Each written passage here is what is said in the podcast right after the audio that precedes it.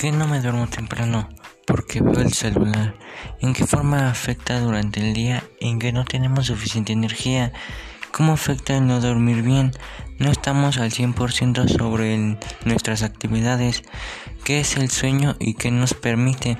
Nos permiten nuestras actividades físicas durante el día.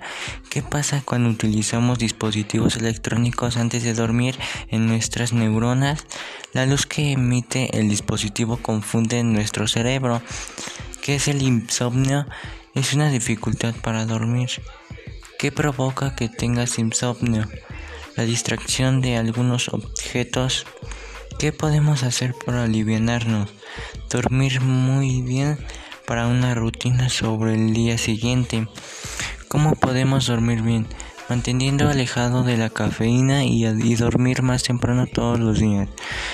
¿Cuántas horas deben dormir los adolescentes? Aproximadamente de 8 a 10 horas por la noche.